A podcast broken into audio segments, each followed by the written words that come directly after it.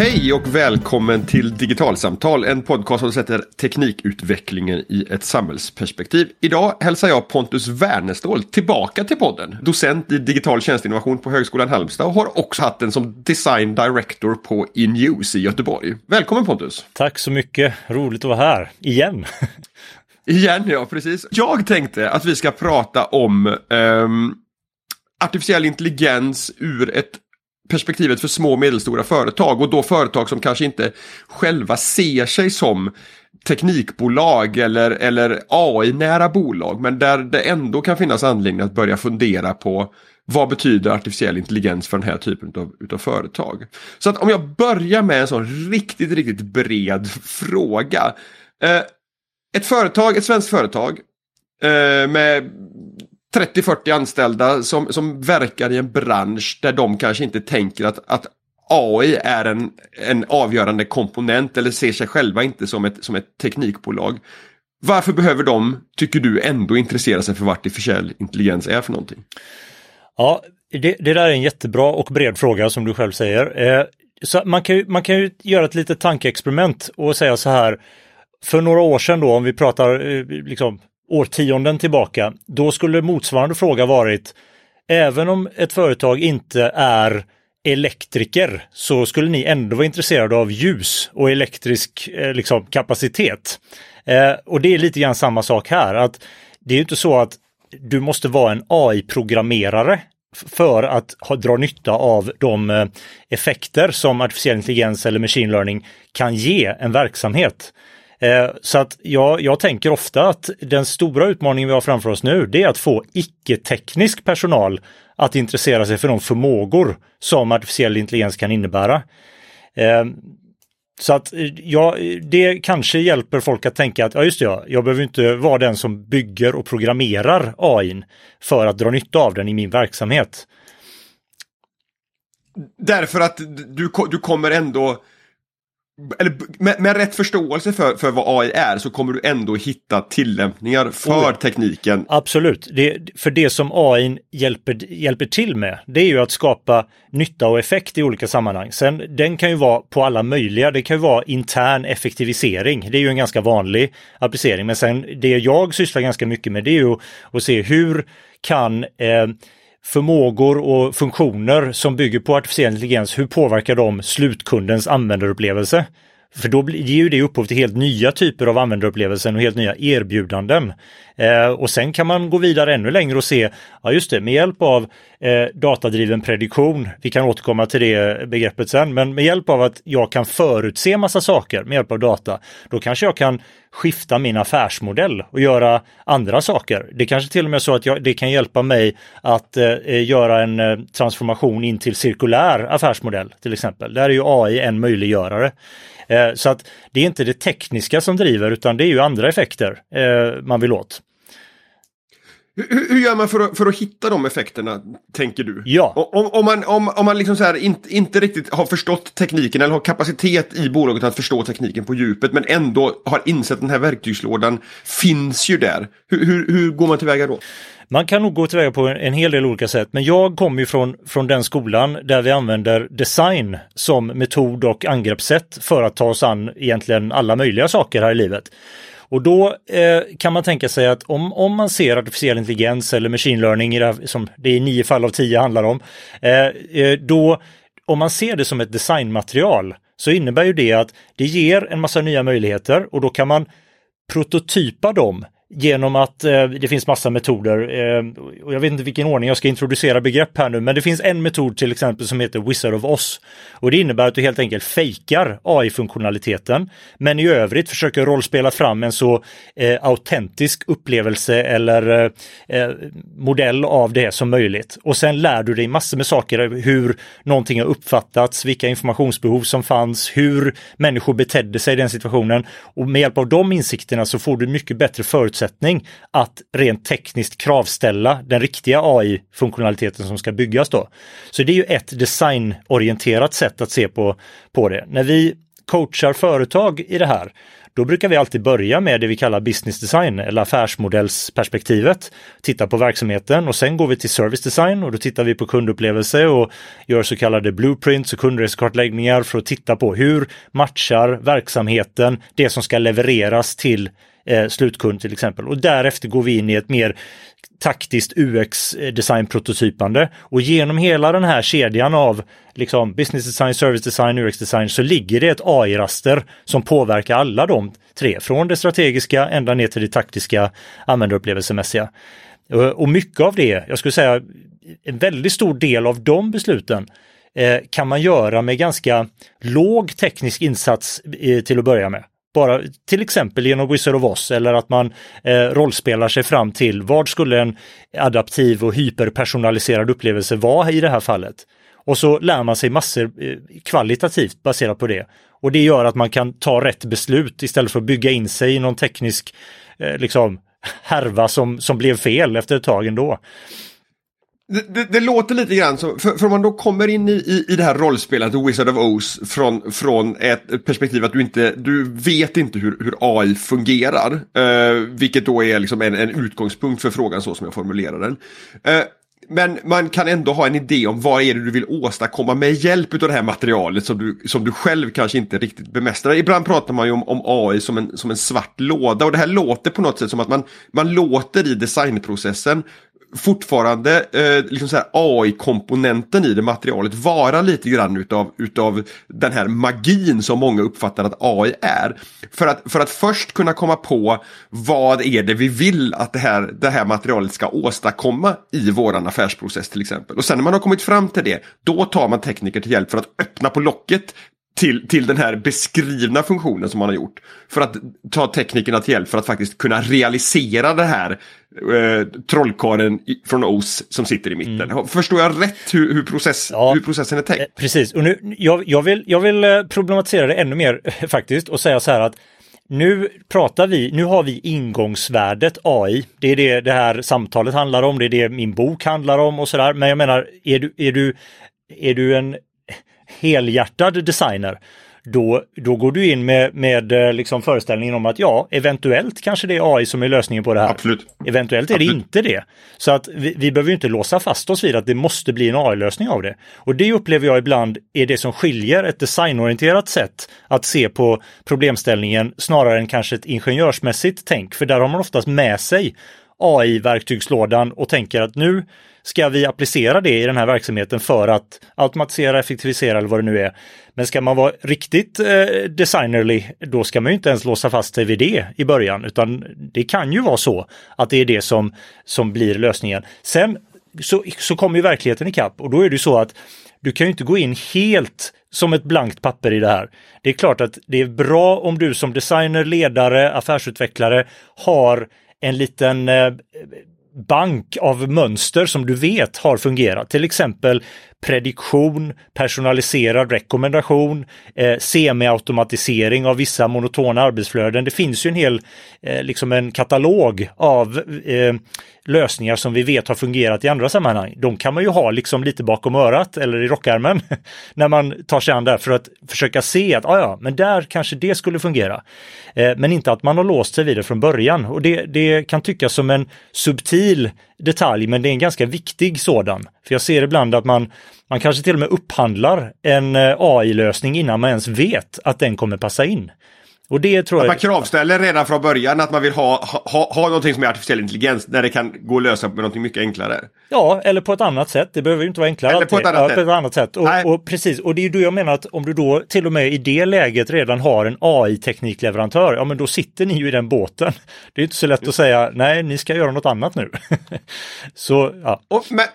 Men, men jag tänker att det, det perspektivet som du för in i, i diskussionen nu, att, att inte ens från början har bestämt sig för att, att vi ska använda AI utan har fokusera på liksom, vad är det för problem eller utmaning eller möjlighet som vi vill fånga i den här verksamheten.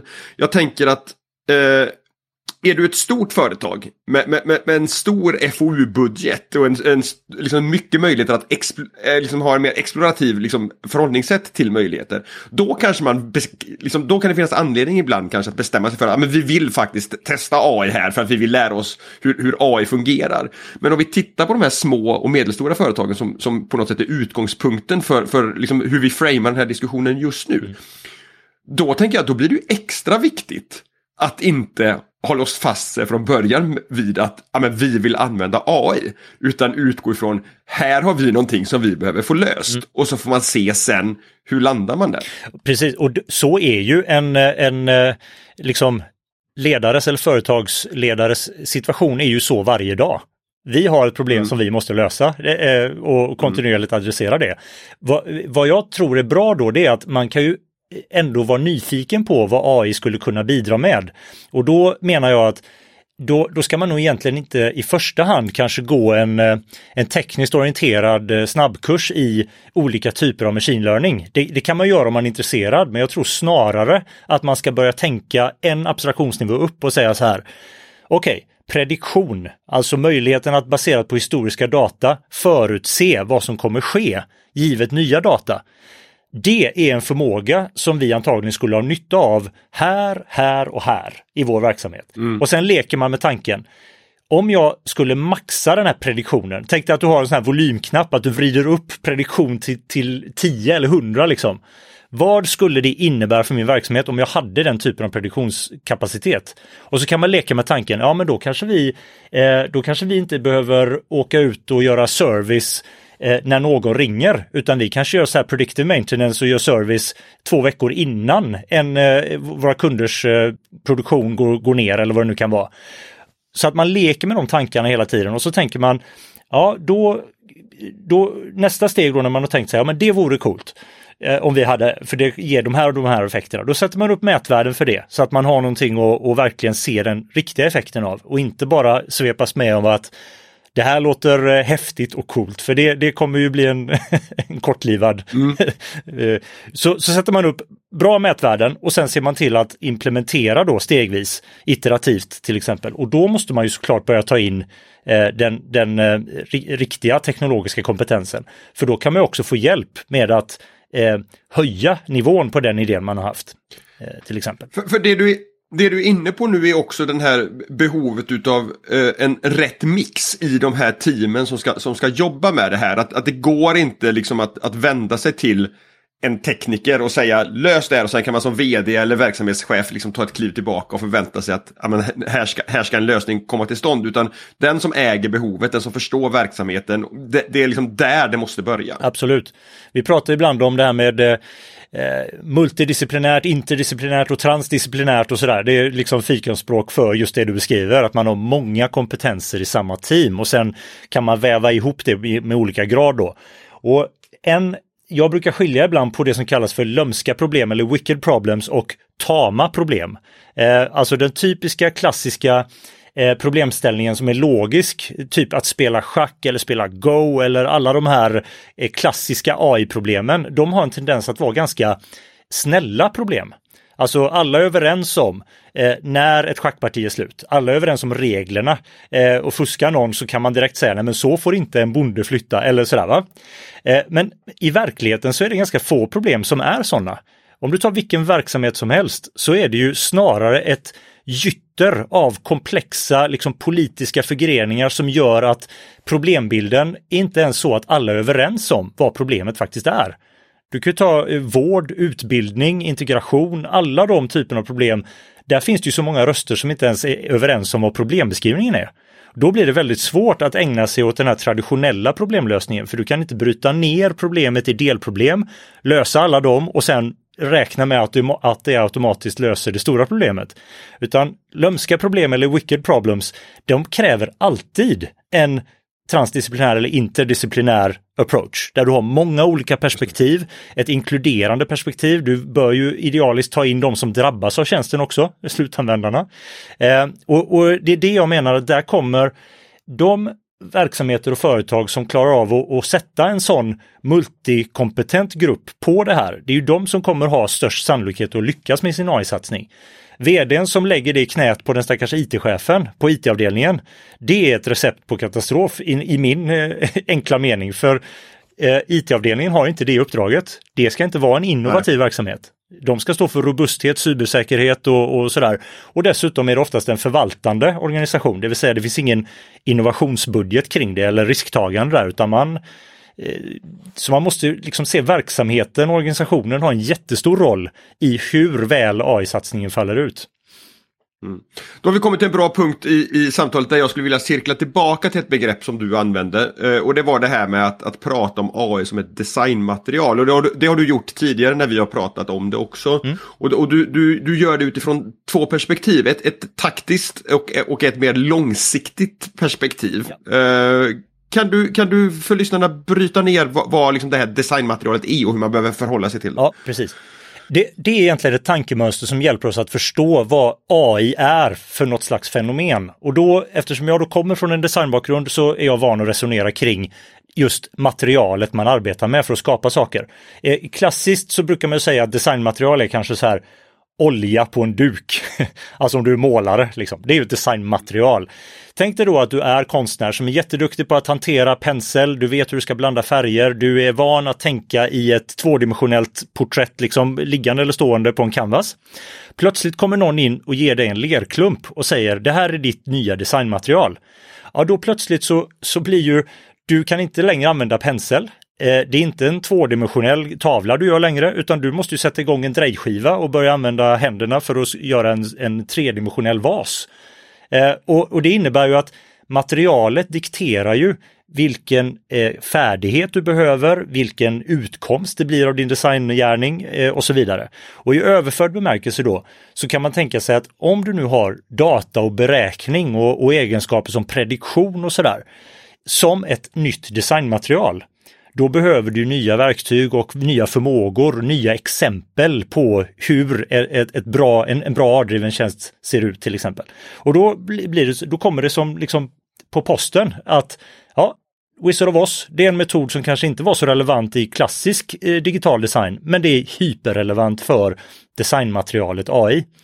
Eh, så det är lite därifrån den här distinktionen med designmaterial kommer in, det vill säga den ger nya förmågor å ena sidan, men det kräver också nya verktyg, förmågor och eh, metoder eh, helt enkelt.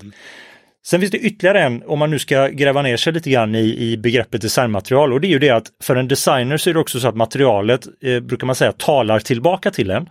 Det vill säga att när du gör någonting med den där lerklumpen så att du ser att det börjar likna någonting, det kan få dig att gå in på en annan bana och tänka, oh, vänta nu, den, den här vasen börjar ju se ut som en anka. Jag, jag tror jag gör en lergök istället. nu, nu eh, tar jag väldigt konstiga exempel från höften här, men eh, det är att materialet liksom talar ju tillbaka till designen. Och då menar jag att om du sitter då och blir mer och mer eh, familjär med datadriven prediktion och klassificering och regression och sådär så kan ju du inspireras eh, till att tänka lite annorlunda kring vad en digital tjänst kan vara. Så det finns liksom en dubbelriktad kommunikation mellan dig och materialet du designar med. Men det, det, det låter som att nu har vi varit inne på, på, på den taktiska delen. Sen, sen, hade du den här mer långsiktiga mm. liksom, tan tanken kring det ja. också. Och då, då är det egentligen lite grann samma sak där. Eh, och det är egentligen, det kan man frikoppla från AI. För att det finns ju en ett paradigmskifte inom design där vi har gått från kanske produktdesign och i viss mån UX-design till service design. Och där börjar man också innan AI blev eh, liksom populärt de senaste 5-10 åren för designers så pratade man om att ja men vänta nu, nu applicerar vi designmetodik på organisation och affärsmodell och verksamhet. Alltså man lyfte det från eh, liksom, eh, gränssnitt och fysisk produkt, men man tog fortfarande det man ibland kallar för design thinking då. Eh, att, och applicera det på affärsmodell eller hur ska vi organisera verksamheten för att få den effekt vi vill ha och så. Så redan där började man ju på 00-talet prata om att Eh, ett annat designmaterial då och det är det strategiska. Att man, man kan använda designstrategi för att ge sig på affärsmodell och, och så. Och det passar ju ganska bra eftersom man då kan använda AI som designmaterial för, för tjänst. Man kan använda eh, design thinking för att titta på organisation och affärsmodell, men man kan ju kombinera dem också. Man kan ju se då att med hjälp av artificiell intelligens så kanske vi ska, eh, så har vi större möjlighet för eh, predictive maintenance i vår strategi. Ja, det innebär att vi ändrar ju på vår verksamhet. Vi skickar ut tekniker innan kunden ringer. Det, det, betyder ju någonting för hur vi hanterar supportsamtal och hur vi hanterar eh, logistikplanering för våra tekniker eller vad det nu kan vara. Då. Så då har man ju kombinerat eh, liksom designmaterial både på organisationell och verksamhetsnivå, affärsmodellsnivå med liksom det taktiska AI och datadrivna. Just det.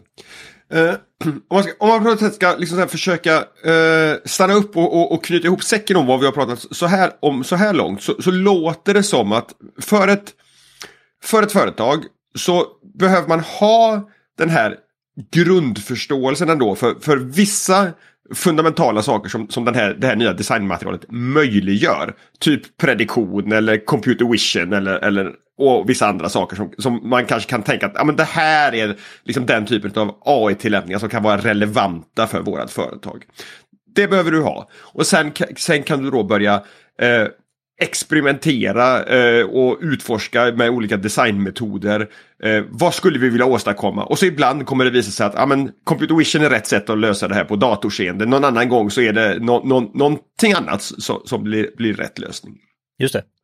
Men, men, men då befinner vi oss fortfarande i ett, i ett resonemang om att företaget inom sina fyra väggar behöver utvecklas och förändras och, och verksamhetsutvecklas. Men jag tänker här finns ju en annan aspekt också. För man skulle ju då kunna tänka sig som företagare att men jag, jag har inte intresset, jag har inte tiden, vi har inte resurserna att ägna oss åt att förstå de här AI-metoderna och, och göra det här explorativa designarbetet. Vi, vi, vi skiter i det här och så kör vi på business as usual. Men kan man kosta på sig att resonera så? Eller, eller finns det en risk att, att omvärlden just nu när så mycket händer springer förbi så fort så att okej, okay, min målarfirma struntar i AI men två eller tre målarfirmor på, på orten kommer på att man kan använda AI för att låta kunderna provmåla hemma i någon slags VR-miljö och sen så är, är jag förbisprungen. Ja, alltså risken finns ju alltid, men, men sen som jag lite grann var inne på, det är ju inte säkert att AI är lösningen på alla problem. Men om man ska titta på kraften i, i de funktioner och förmågor man kan få ut, så, så skulle jag säga att man, man gör ju en lite risktagande om man kategoriskt stänger dörren till det. Det är ungefär som, om vi går tillbaka till förra, förra industriella revolutionen, det är ju som att alla fabriker som hade ångpannor Eh, och så kom liksom elektricitet som en ny grej. Det var ju flera av eh, eh, fabriksägarna där som sa att nej, elektricitet är inget för oss. Eh, och, och, de kanske överlevde några år till, men idag är det inte så jättemånga fabriker som har ångpannor eh, som driver deras produktionslinjer. Så att eh, jag, jag, tror att man, man begår ju ett litet, eh, eh inte misstag, men man tar ju en hög risk om man redan nu kategoriskt säger nej, AI är inget för oss. Punkt. Eh, så att eh, jag... Tror, tror du att det går att hitta några branscher där, där, där du tror att man faktiskt skulle kunna kosta på sig att ha det för, förhållningssättet? Det är, det är en fråga som jag får ibland och som jag nu passar på att skicka vidare. Finns, finns, det, finns det någon, finns det något affärssegment, någon, någon nisch som är fredad för påverkan utav, utav AI?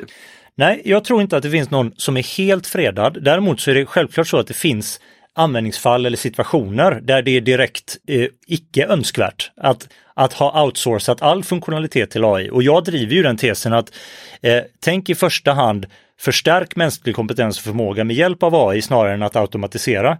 Eh, och det kan vi också återkomma till varför jag tycker så. Men, men det, det finns ju verkligen sådana eh, situationer och, och verksamheter där själva kärnan i kundupplevelsen eh, kanske inte ska ersättas eh, liksom, eller påverkas allt för mycket av AI. Eh, och sen finns det vissa där, där eh, det är direkt önskvärt att man gör det. Och jag, i min bok så har jag listat några sådana, jag har kategoriserat upp lite olika typer av eh, jag menar, några som kommer eh, ganska nära till hands, det är ju det här där själva värdet är eh, mänsklig interaktion och kontakt och att det är ett premiumvärde mm. i sig. Eh, det andra är ju sådana som eh, liksom, eh, militära applikationer och, och den typen av verksamheter där det, det kan vara väldigt problematiskt om AI tar beslut på egen hand och så. Men sen, jag menar, även om du har en sån high touch mänsklig interaktion, låt oss säga ja vad vet jag, man kanske vill bli klippt av en människa som en frisör liksom, eh, eh, istället för en robot eh, av olika skäl. det kan ju fortfarande vara så att bokningssystemet till den tjänsten är AI-fierad. Eh, så, så jag menar, det är inte så att det är eh, allt eller inget, utan det är klart att vissa aspekter kommer ju tjäna på att, att ha eh, en, en, en datadriven funktion i sig. Även om kanske kärnerbjudandet kommer vara, vara kvar som ett eh, mänsklig interaktion eller vad det nu kan vara. Jag skulle vilja be dig utveckla det här med, med, med förstärk istället för ersätt med en gång så vi inte tappar ja, det. Vad bra. För jag tycker det lät spännande. Ja, det är ju så här. Eh, det, det, är ganska frestande när man ser eh, den enorma kapacitet som AI har så är det ganska frestande att, dra, att löpa linan ut och säga vi ska helt automatisera eh, den här processen eller det här jobbet eller vad det nu är då. Eh, självkörande bil var ju allas eh, våta dröm var ju nivå 5 till exempel, alltså en komplett självkörande bil. Det visar sig i fler och fler studier att produktionsinhämtningen eh, eller effektinhämtningen den stannar liksom av Eh, och blir inte så exponentiellt mycket högre om man automatiserar hela tiden. Utan vad som visar sig, och det här har ju faktiskt eh, både kognitionsforskare och datavetare sagt under ganska lång tid, att ju, ju högre kognitiv kapacitet en AI har, desto mer måste den samverka med människorna runt omkring. Och det, det kan ju tyckas icke-intuitivt, för man tänker sig att ju, ju mer kapabel den är, desto mindre skulle den behöva oss människor. Men det visar sig om och om igen att det faktiskt är tvärtom. Och det stärker ju då tesen för att vi ska, vi ska syssla med augmentation istället för automation.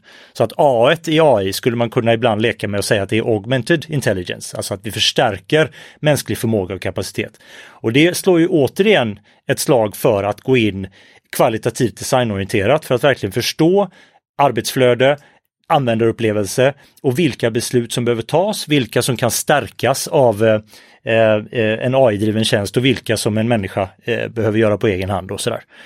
Eh, så vi har gjort en hel del sådana spännande eh, saker inom vården bland annat. Där, där, finns det ju en, en iver i att effektivisera eftersom eh, av, av resursskäl, vården går ju alltid på knäna liksom. Men då har vi sett i bland annat i sådana här designsprintar där vi har använt Whistle of Oz så har vi sett att om man automatiserar triage fullt ut i akutsjukvården så går man miste om väldigt mycket eh, det som kallas för den kliniska blicken eller en vårdgivares tysta kunskap som är väldigt svårt att få ner med dagens AI i alla fall. Eh, utan där visar det sig att det bästa är om de här eh, AI-triagen görs i samverkan med en sjuksköterska. För då, då kan akutsjukvårdaren och AI tillsammans göra triagen både bättre och snabbare och öka patienttryggheten till exempel. Det, det jag hör dig säga nu är ju, borde ju egentligen också låta som ljuv musik i öronen på de här lite mindre företagen. För att, för att det du säger är också att man behöver inte försöka ta, ta sikte på att, att göra det, den stora AI-kolossen som ska, som ska ta över allt i företaget. Utan man kan faktiskt börja med att hitta väldigt, väldigt avgränsade, nischade, små, små steg i en längre process. Men där värdet utav den här lilla insatsen kanske ändå blir väldigt stor. För man kan lösa upp en, en flaskhals någonstans där det var ett manuellt arbete eller någonstans där det fanns ett kvalitetsproblem eller någonstans där det fanns ett, ett prediktionsproblem men resten kan ändå fortsätta som det har varit nu och det gör det, man, man, man, man biter inte över så mycket, Nej. gapar inte över så mycket. Eh, nej, precis så kan det vara. Och det, det, är ju en verklighet som små och medelstora företag framförallt har. Man, har inte, man, man kan ju inte sätta igång en, liksom en eh, flera månader långt heltidsprojekt för att gräva ner sig i det här och så kanske det blir något. Det är ju, det är ju förborgat liksom de stora jättarna som har en stor rd budget och sådär. Så att absolut, så kan det vara. Och, och sen tänker jag att det öppnar upp för små aktörer på ytterligare ett sätt. Det är nämligen så att ofta börjar man med att titta på sin egna data. Eh, vilket är bra såklart, för den har man ju kontroll över och så. Om, om man, eh, som ett exempel nu eh, från luften här då, om du tänker att du äger en, eh, om du kör buss här, lokalbussen i Halmstad eller vad, vad det nu kan vara då. Då kan ju du börja använda bussarnas egen data, eh, till GPS-koordinater och så, och så kan du i efterhand liksom analysera och säga att okej, okay, eh, linje X är sen eh, så här mycket och den var sen så här många gånger och, och sådär. Och det kan ju vara ett beslutsunderlag för kommande ruttplanering och så. Men om du börjar ta in andra aktörers data eller öppna data eller tredjepartsdata av olika slag, till exempel skollov, väder, eh, den typen av, av data, då plötsligt så kan ju det göra att du kan meddela kunderna eh, imorgon kommer bussen bli fem minuter sen. Istället för att i efterhand säga den här månaden blev bussen sen fem minuter så vi får nog ändra tidtabellen eh, nästa gång vi reviderar. alltså så att jag tänker att där, du behöver ju heller inte äga all data som du utnyttjar. Det finns ju gott om intressanta tredjepartsdata som kan bygga upp stort värde eh, för, för, din tjänst. Eh, och det är ju också eh, ljuv musik för det, den lite mindre aktören då som kanske inte behöver samla på sig och äga all data själv. Eh, mm. så, så det är ytterligare en eh, aspekt där.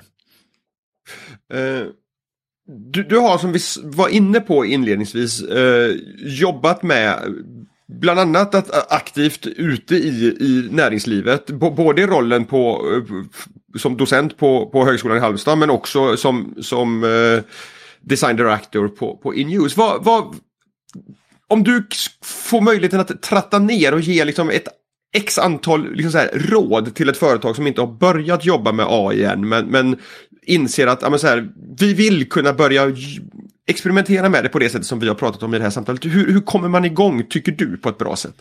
Ja, det beror helt på vilka eh, liksom, förutsättningar man har internt och vilken bransch man jobbar i och, och sådär. Men eh, generellt sett, om man inte har eh, designkompetens på plats så skulle jag ju råda att man tar in det antingen inhouse eller eh, liksom eh, eh, eh ja, ta in konsult eller vad, vad, man nu vill göra som kan hjälpa en att komma igång lite snabbare med det här eh, designtänket som vi pratade om innan. Eh, att man tittar på vad är effektmålet? Eh, hur ska den här nyttan och värdet uppstå i användningen av den här tjänsten? Vilka saker är det vi antagligen inte har tänkt på? För det är ju ganska vanligt. Hur kan vi liksom rollspela fram det för att vara, minimera risken för att det blir felsatsning? Och sen ska man göra liknande med den eh, AI-kompetensen och den data science-kompetensen som man kanske antagligen inte har eh, idag. Då, då ska man ta in lite kompetens på det också. Eh, och sen då så ska man se till att man eh, i min bok så listar jag nämligen fem huvudutmaningar för verksamheter och en av dem är då att öka kompetensen inom design och AI. Men nummer två, som är minst lika viktig, det är ju att man måste öka sin kreativa innovationsförmåga också. För det är ganska lätt att man går tillbaka till kända hjulspår och, och harvar runt i det som alltid har funkat och så. Men här då att verkligen anamma och våga eh, spänna bågen lite grann och se hur, hur, skulle, hur skulle maxad prediktion i den här verksamheten egentligen påverka hur vi organiserar oss? Och, och, inte bara låta det fastna vid ett litet tankefjäder så här utan verkligen gå all in och rollspela ut det och kanske göra en, en, en eh, önskad kundresekarta med hur kontaktas kunden här, vilken interaktion sker här och så över en tidslinje då. Eh, och, och att man faktiskt vågar även om man är liten aktör, att man vågar göra kanske en, en, en veckas designsprint och så lär man sig massor och sen blir man lite mer stark i det. Kontinuerligt så boostar man både sin designkompetens och sin AI eller data science-kompetens. Och så ser man till att få till de här multidisciplinära teamen som, eh, som jobbar. Och sen ska vi inte förglömma då att även om man har konkurrenter så är det ju ganska ofta så, nu kanske jag är väldigt eh, positiv och eh, optimistiskt lagd, men ganska ofta är det ju så att de snarare är medaktörer på marknaden. Så man kan ju faktiskt samverka lite mer än vad jag, vad jag upplever att eh, man gör. Eh, det kanske är ett jättebra sätt för att få till cirkulära flöden, att en företags output blir en annan företags input och så kan man reducera waste. Man kan använda data för att matcha aktörer och material och producenter med konsumenter och så. Man kan rekommendera, man kan optimera liksom logistik mellan olika aktörer och sådär. Så det finns ganska mycket som, som kan göras eh, liksom i gränssnittet mellan olika aktörer upplever jag. Eh, infrastrukturarbete nästan. Eh, det, det, var de råden som man, som man kan göra. Uh, har du genom erfarenhet också sett några typiska vanligt förekommande dikeskörningar som man absolut ska ska undvika några, några återkommande misstag som man gör i sånt här arbete? Uh, ja, ett är ju att uh, låsa sig vid automatisering eh, som vi var inne på förut. Utan tänk så här, ja men eh, delvis automatisering men också förstärkning, alltså stärka eh, kompetens och förmåga hos de människor som ska verkligen ta besluten på allvar. Eh, det, det, är ju den ena. Eh, nej men sen, sen finns det det här eh, eh ett, jag, jag, vet inte om det är misstag, men jag tror att man får lite grann av en blind fläck ibland, för man får rådet att titta på din egen data. Alltså vad kan du göra med den data du har? Och det är ju i och för sig ett bra råd, Men om man tänker, om man zoomar ut lite och så tänker man så här, den datan som du nu av olika historiska skäl har samlat på dig, eh, du ska ju ha lite tur att den datan är exakt den datan du behöver för den tjänsteinnovationen du just nu behöver göra. Det är ju inte säkert att det är matchning där, så att var inte rädd för att liksom tänka, ja ja, men då behöver vi ju faktiskt ny data. Och då handlar det snarare om att bygga in smarta strategier för att snabbt samla in den datan och inte låsa sig vid att ja, men jag har ju den här snygga databasen med de här sakerna. Vad kan vi göra med det? Ja, då, då är risken att du inte kommit så långt som du skulle kunna gjort. Eh, det, det riskerar att bli samma typ av utav skygglappar som det blir om du från början har bestämt dig för, för AI ja. och därmed väljer bort alla andra alternativ. Så här har du bestämt dig för AI och med befintlig data, Exakt. då riskerar du också att... Just det. det och det, det här har vi sett faktiskt i en av eh, jag har varit involverad lite grann i öppna datadiskussioner och så för eh, städer och kommuner och, och sådär. Och där är ju lite grann samma att eh, eh, den kommunen eller vad det nu kan vara, de har ett gäng eh, fina databaser och så tänker de vad bra, vi ska göra dem tillgängliga och så sätter man upp ett öppna datainitiativ. Och så tänker man sig, nu ska medborgarna eller intresserade utvecklare kunna använda den och så bla bla bla. Men det är lite grann samma sak där, att du ska ha en himla tur att bara för att du släppte just det här datasättet så ska du hitta någon som är tillräckligt intresserad av att börja bygga på den, som dessutom ska vara intresserad av just den domänen som du släppte datan i. Det är ett ganska litet nålsöga att komma igenom. Så det, det är lite mm. där att om man börjar med datan och låser sig fast för det så riskerar man att missa eh, ganska intressanta eh, utmaningar om man bara tillåter sig själv att tänka ja men vi kanske ska samla in ny data då, som kan lösa den här eh, problemet som vi faktiskt vill lösa. Just det. Så det är det allting kokar ner till här, att, att identifiera det problemet som, som behöver lösas och sen hitta rätt lösning. Inte, har man en hammare så ser allt ut som en spik, det gamla klassiska talesättet. Precis, och, och just det att man heller inte, äh, som vi var inne på förut, det här med att se, äh, lås dig inte vid att försöka lösa tama problem, utan det är ju ofta de här lömska, lite komplexa problemen som, som är intressanta att kontinuerligt adressera. Eh, och det innebär på ett sätt eh, nästan lite av en frihetskänsla för de här lömska problemen. Det, det är ingen som förväntar sig att du löser det en gång för alla, utan vad ett lömskt problem gör det är att du kontinuerligt adresserar det för att göra det lite bättre över tid. Om du tänker sjukvård eller utbildning eller eh, eh vårt eh, kriminalsystem eller vad det nu heter. det är ju ingenting vi löser. Vi kan inte säga så här, nu är sjukvården löst. Utan det är ju någonting som kontinuerligt adresseras och det är det jag menar att företag har också sådana problem. Så istället för att tänka att AI ska lösa ett problem så ser det som en styrka för att kontinuerligt adressera problemställningar över tid. Men är det ett mindset som du upplever att, att många företagare har, in, in, inte har? Att man, man tror just det här att, att det här går att lösa snarare än någonting som man ständigt kommer behöva jobba med? Ja, nu, nu kommer vi in i farlig stereotypmark här då. Absolut. men, men, jag tänker mig att den typiska ledaren eller verksamhetsutvecklaren, de tänker så.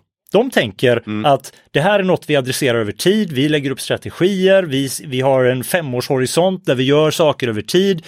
Men eh, den klassiska programmeraren har ett mycket mer så här, nu ska vi lösa det här problemet och jag bevisar det genom den här koden att nu är det löst. Jag, alla eh, tester checkar ut, jag har 100% accuracy och precision och vad det nu kan vara. Och det är det jag menar att om vi kunde skifta dem lite grann så att programmerarna tog sig an lite mer wickedness och eh, eh, att eh, de ledarna och verksamhetsutvecklarna började förstå lite mer av den lite mer fyrkantiga tekniken och ta med sig det in i sin diskussion. Då, det är där den här inter eller transdisciplinära kvaliteten kommer in. Men, men vad, vad, är problemet med att behandla ett wicked problem som ett lösbart problem? Vad, vad, vad, får det för konsekvens att du, att du tror att det här ska kunna gå att lösa när det egentligen inte gör det? Just det.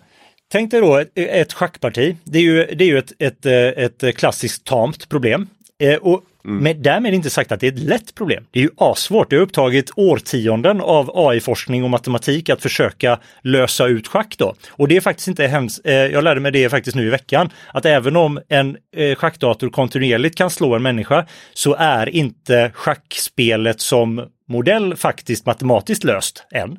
Men det är en liten parentes. Men tänk dig nu att du, eh, om schack hade varit ett wicked problem, då hade det inneburit att för det första hade ni inte fått lika många pjäser från början. För det andra så hade reglerna ändrats efter tre drag. Eh, och sen hade en eh, eh, löpare hade satt sig ner och strejkat efter eh, fyra drag. Och sen, men du ska ändå lösa och, och sen så står kungen där och säger nej men eh, spelet är inte slut bara för att jag dör, jag skickar in någon annan. Eh, och sen så kommer det ett politiskt beslut som drar undan hela schackbrädet från situationen. Det är wicked problems och det, det blir väldigt svårt för en schackdator att hantera de sakerna. Men det, så ser ju en företagares verklighet ut. Och då tänker jag att då är det bättre att kontinuerligt göra både schackspelaren och pjäserna nu lite mer robusta så att de har AI-stöd som kan hjälpa dem att hantera den typen av situationer. Du pratade för en stund sedan om hur AI kan bli ett viktigt verktyg i en omställning mot mer cirkulära ekonomier och därmed bidra till en, en ökad hållbarhet på olika sätt. Du får jättegärna utveckla vad det, vad det är du ser att, att AIs roll i, i den typen av affärssammanhang ja. kan bidra med. Det, det, här är ju, det här är verkligen på frontlinjen nu av forskning och uh, best practice och så. Så det finns, där finns det färre färdiga mönster och, uh, jämfört med kanske uh, mer klassisk tillväxt eller, eller affärsutveckling. Men man har identifierat i alla fall att AI har en viktig roll att spela eftersom just till exempel prediktion, som vi pratade om innan, prediktion kan ju då göra att du kan förutse eh, tillgång och efterfrågan lite mer, eh, vilket innebär att du kan optimera din eh, eh, produktion till exempel. Du kan använda material på ett mer effektivt sätt. Det kan hjälpa till i design av produkt, det vill säga en, en eh, eh generativ AI kan hjälpa en designer att använda mindre material eller bättre material. Eh, och den typen av, eh, dessutom kan du ha dynamisk eh, eh prissättning. Så till exempel så skulle det kunna vara så att mat som närmar sig bäst före-datum skulle automatiskt bli billigare och det skulle kommuniceras tydligare. Nu görs ju det lite mer manuellt i butikerna, men det skulle kunna finnas en, en eh, AI-del i det. Och detsamma gäller kanske återbruk av kläder, där man lämnar in kläder och då kan eh, AI med hjälp av olika sensorer avgöra kvaliteten, ålder, eh, slitage eller vad det nu kan vara. Eh, så att den typen av prediktion och generativ design möjliggör ju ett lite mer hållbarare produktionssätt kan man ju säga då. Så det är ett mönster, man kan, eller två mönster om man ska vara noga, som man kan se då där AI kan hjälpa till. Man kan, man kan också eh, göra, eh, det, och det finns ju redan den här typen av automatisk materialsortering. Det finns stora eh, band där kameror ser att ja, det där är metall, det där är betong, det där är armeringsjärn och så kan man liksom ha en robot som sorterar upp och underlättar materialåterbruk. Eh. Men sen finns det ju även andra intressanta grejer. Eh, det finns eh, bland annat eh, eh, Sydkoreas motsvarighet till Länsstyrelsen gissar jag, som sätter upp naturreservatsgränser. Eh, där har de ju börjat eh, med hjälp av sensorer eh, rita in marina naturreservat och då tar de i beaktande hur fiskekologin utanför ser ut. Och då var det ett papper jag läste där de sa att ja, men genom att flytta gränsen en kilometer söderut så får den här havsutterkolonin bättre eh, liksom förutsättningar att eh, få mat och fiska. Så att med hjälp av den här komplexa liksom övervakningen av ekosystem så kan man få till bättre marint skydd. Och då tänker jag, eh, här blir ju nästan två tankar på en gång här då, men i och med klimatförändringarna så börjar ju Arktis smälta eh, vilket innebär att vi får nya känsliga ekosystem som kommer bli föremål för ökad eh, fartygstrafik där uppe. Där är ju också en utmaning då att hur kan vi på ett smart sätt kanske ha adaptiva farleder till exempel som skyddar eh, valrossbestånd eller sillgrisslor eller vad det nu kan vara som är där uppe. Eh, och om jag inte minns helt fel så hade du ett, tidigare avsnitt där eh, SLU-forskare pratade om Stora Karlsö och sillgrisslor och tordyvlar och så. D där är ju också en AI-applicering som kan bidra till eh, eh mer skydd av eh, våra biologiska system och så. så. Så jag tänker att där finns ju antagligen även kommersiella intressen. Om man vill liksom eh, nischa in ett företag på den typen av ekosystemtjänster och så, så det, det, det, finns liksom ingen gräns för hur mycket bra grejer man kan göra här. Därför att de här systemen som vi pratar om här är så stora och så komplexa så att vi människor kan inte överblicka dem. Men, men här kommer liksom AI med sina förmågor kunna hjälpa till att bringa ordning och begriplighet i till exempel prissättning på, på, på mat som är på väg att, att uh, närma sig bäst före-datum. Precis. Exempel. Och just det, optimering av logistikkedjor och så. Det, det, jag tänker så här, egentligen att göra, att uppnå samma eller mer effekt med mindre resurser det är ju alltid bra. Oavsett konjunktur eller klimatförändringar eller så, så är ju alltid den typen av att göra mer med mindre är ju eh, något att eftersträva. Så att du behöver ju inte vara eh, liksom i första hand intresserad av biologisk mångfald för att inse att det här är bra att använda mindre resurser för det vi, vi vill göra. Pontus, eh, stort tack för att du återvände till Digitalsamtal och pratade om artificiell intelligens och eh, tjänstedesign. Tack så mycket, alltid roligt att vara här.